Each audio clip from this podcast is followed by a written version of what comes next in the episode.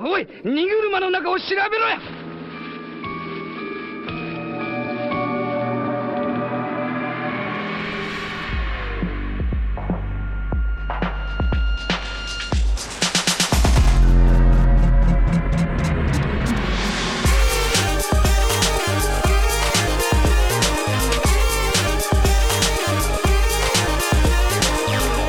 Ahoj, tady Stana Biller a dnes spolu po dvou týdnech umřeme s vládou Petra Fialy, protože se za tu dobu, co jsme se neviděli, stalo pár věcí, za které se sluší určitě poděkovat. Český statistický úřad oznámil, že jsme v recesi. Vláda představila nový rozpočet, ve kterém mimo jiné sebrala peníze školství a snaží se to vydávat za vítězství. A mluvčí vlády, což je pozice, ve které se usazuje prezident Petr Pavel, lidem v Blansku vysvětlil, že reformy vlády by měly být mnohem tvrdší.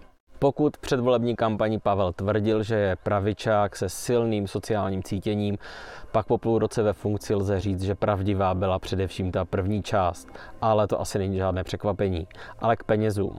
Když před 15 lety udeřila ve světě světová ekonomická krize, motal se v Česku na ministerstvu financí Miroslav Kalousek. Ten nejprve tvrdil, že se nás krize vůbec nedotkne nebo se jenom tak lehonce přežene.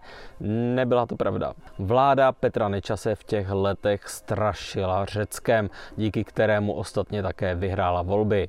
Následně se pokoušela zavést sérii tvrdých reform a škrtala, kde mohla masivně strašila lidi, že se nedá nic jiného dělat, jinak všichni zkrachujeme. O 15 let později nechci tvrdit, že se opakují totéž, ale v let čem se nacházíme v podobné situaci.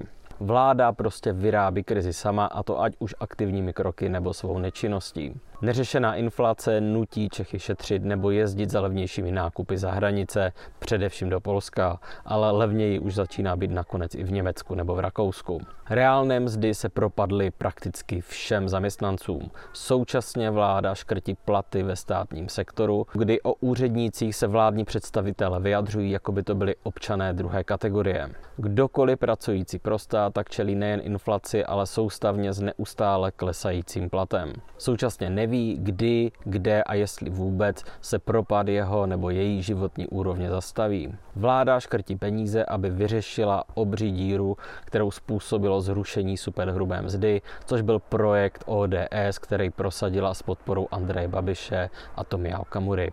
Podle statistických údajů české domácnosti v minulém roce utratili o 14% peněžních prostředků více než v roce předchozím, ale na inflaci to nestačilo Za více peněz tak získali méně služeb a méně zboží. V podstatě celý rok čteme, že důvěra spotřebitelů i podnikatelů neustále klesá. K tomu bohužel napomáhá rétorika a také kroky vlády, která škrtá nebo škrty vyhrožuje. V září tak informoval Český statistický úřad, že je důvěra spotřebitelů a firem v ekonomiku nejnižší od vrcholu covidu.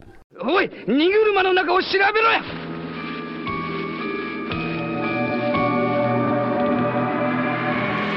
Pravicová vláda je pak vůči raketovému růstu cen prakticky bezbraná. Zatímco jinde se na potraviny snižují daně a to až k nule, nebo vláda prostě donutí potravinářské koncerny ke snížení cen, jako třeba ve Francii. Tam v červnu vláda donutila největší koncerny k dohodě, aby snížili ceny potravin. Jak to vláda dokázala? Jednoduše, minister financí jim prostě pohrozil, že pokud nepřistoupí na dohodu a nesníží lidem ceny potravin, tak jejich nepřiměřené zisky zdaní. Takhle jednoduchý to je.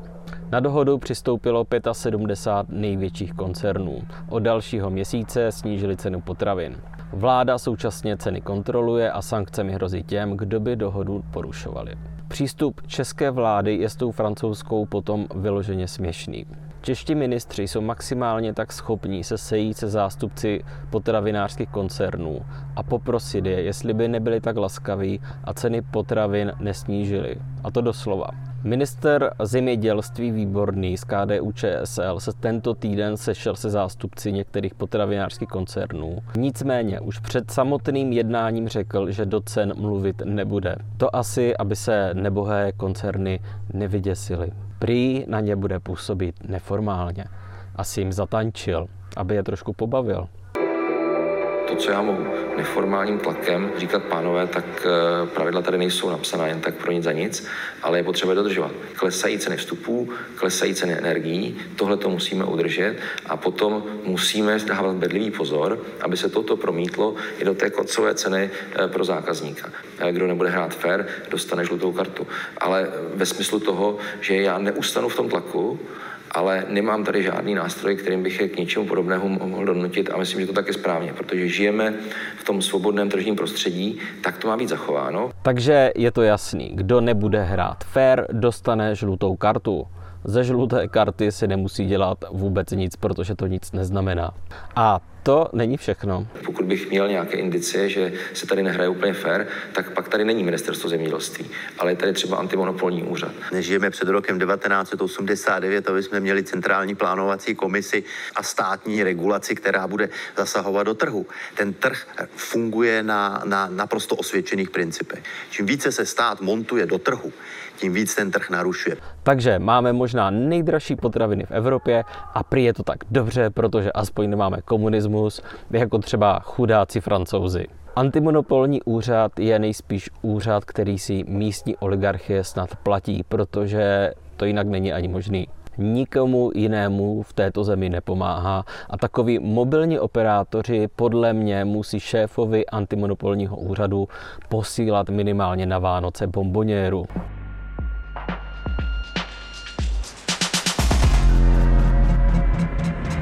Pokud milujete pořad Všichni tady umřeme a chtěli byste ho podpořit, kupte si nové tričko s věčně hladovou marunou na e-shopu Alarmu na adrese e-shop.denikalarm.cz. Děkujeme. お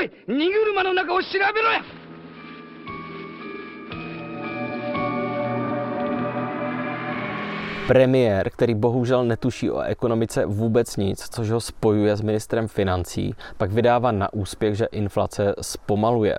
To ale neznamená, že něco zlevňuje, to znamená, že všechno zdražuje, jenom ne tak extrémně rychle jako v minulém roce. Nejdál, myslím, ale olympiádu ve škemrání dotáhl Marian Jurečka, což je minister práce a sociálních věcí. Lidl, což je dominantní český řetězec s miliardovými zisky, slevnil, myslím si, že na týden v rámci akce některé potraviny pro seniory.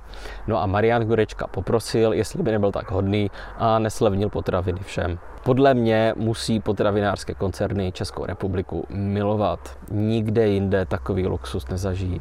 Každopádně největším vítězem celého vládního škemrání je jednoznačně Andrej Babiš. Tento oligarcha velící největšímu českému kolchozu zbohatel podle Forbesu za minulý rok o 62 miliard korun. Současně chodí mezi lidi a nadává na drahotu, na které rýžuje za dva roky smete neschopnou fialovou vládu bohatší než kdykoliv předtím. Protože jediný, komu vláda reálně pomáhá, jsou lidé, jako je Andrej Babiš. Státní rozpočet je pak stělesněním toho, že lépe v dohledné době nebude. S výjimkou obrany se totiž škrtalo úplně všude. Nedůvěru ve stát podle mě nejlépe ilustrovalo vyjednávání o rozpočtu ve školství. To je údajně podle programového prohlášení vlády prioritou. Po celé léto se totiž strašilo, že se školství sebere několik desítek miliard korun. Co to asi přesně udělá s důvěrou lidí ve stát, když je stát celé prázdniny straší, že sebere peníze na vzdělání dětí a u toho současně opakuje, že je vzdělání priorita. Takhle se, myslím, chovají jenom psychopati. Výsledek je pak pokládán za úspěch, protože se školství přidali 4 miliardy korun.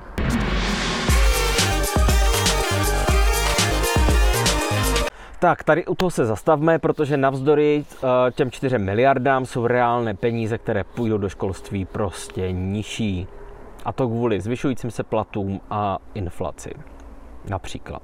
Pryč je také, abych to připomněl, slíbená půjčka 45 miliard, která měla zamířit do školství. Ta se škrtla a není z ní nic. Pryč je také vládou slíbený a zákonem schválený slib, že budou mít učitelé 130% průměrné mzdy v zemi. Vláda tento zákon schválila a současně se rozhodla, že ho nedodrží, kdy se rozhodla, že bude ten průměr počítat z dva roky starých platů, jako kdyby učitelé snad žili dva roky zpátky.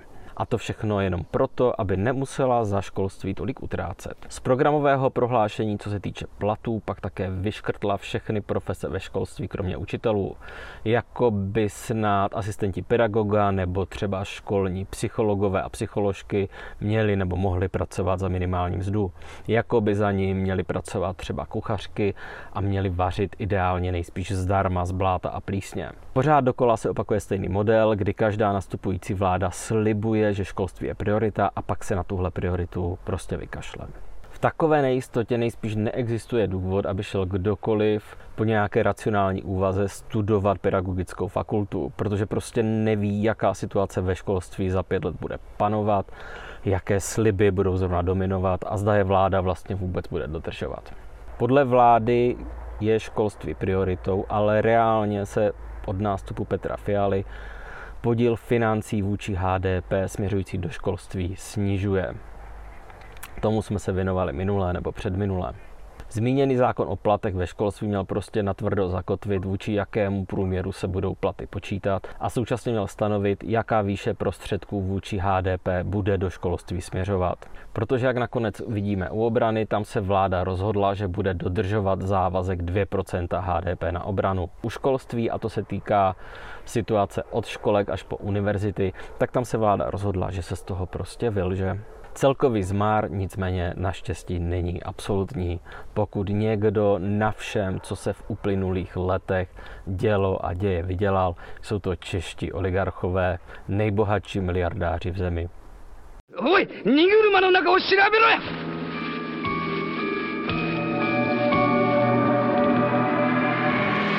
Zatímco vláda škrtá a škrtí naši budoucnost, zmíněný Andrej Babiš zbohatil o 62 miliard korun, fosilní oligarcha a miliardář Křetínský o nějakých 92 miliard korun a tykač o bezmála 100 miliard korun a to všechno jenom za uplynulý rok. Ale místo nich vláda raději oškube učitele a vlastně všechny zaměstnance v České republice.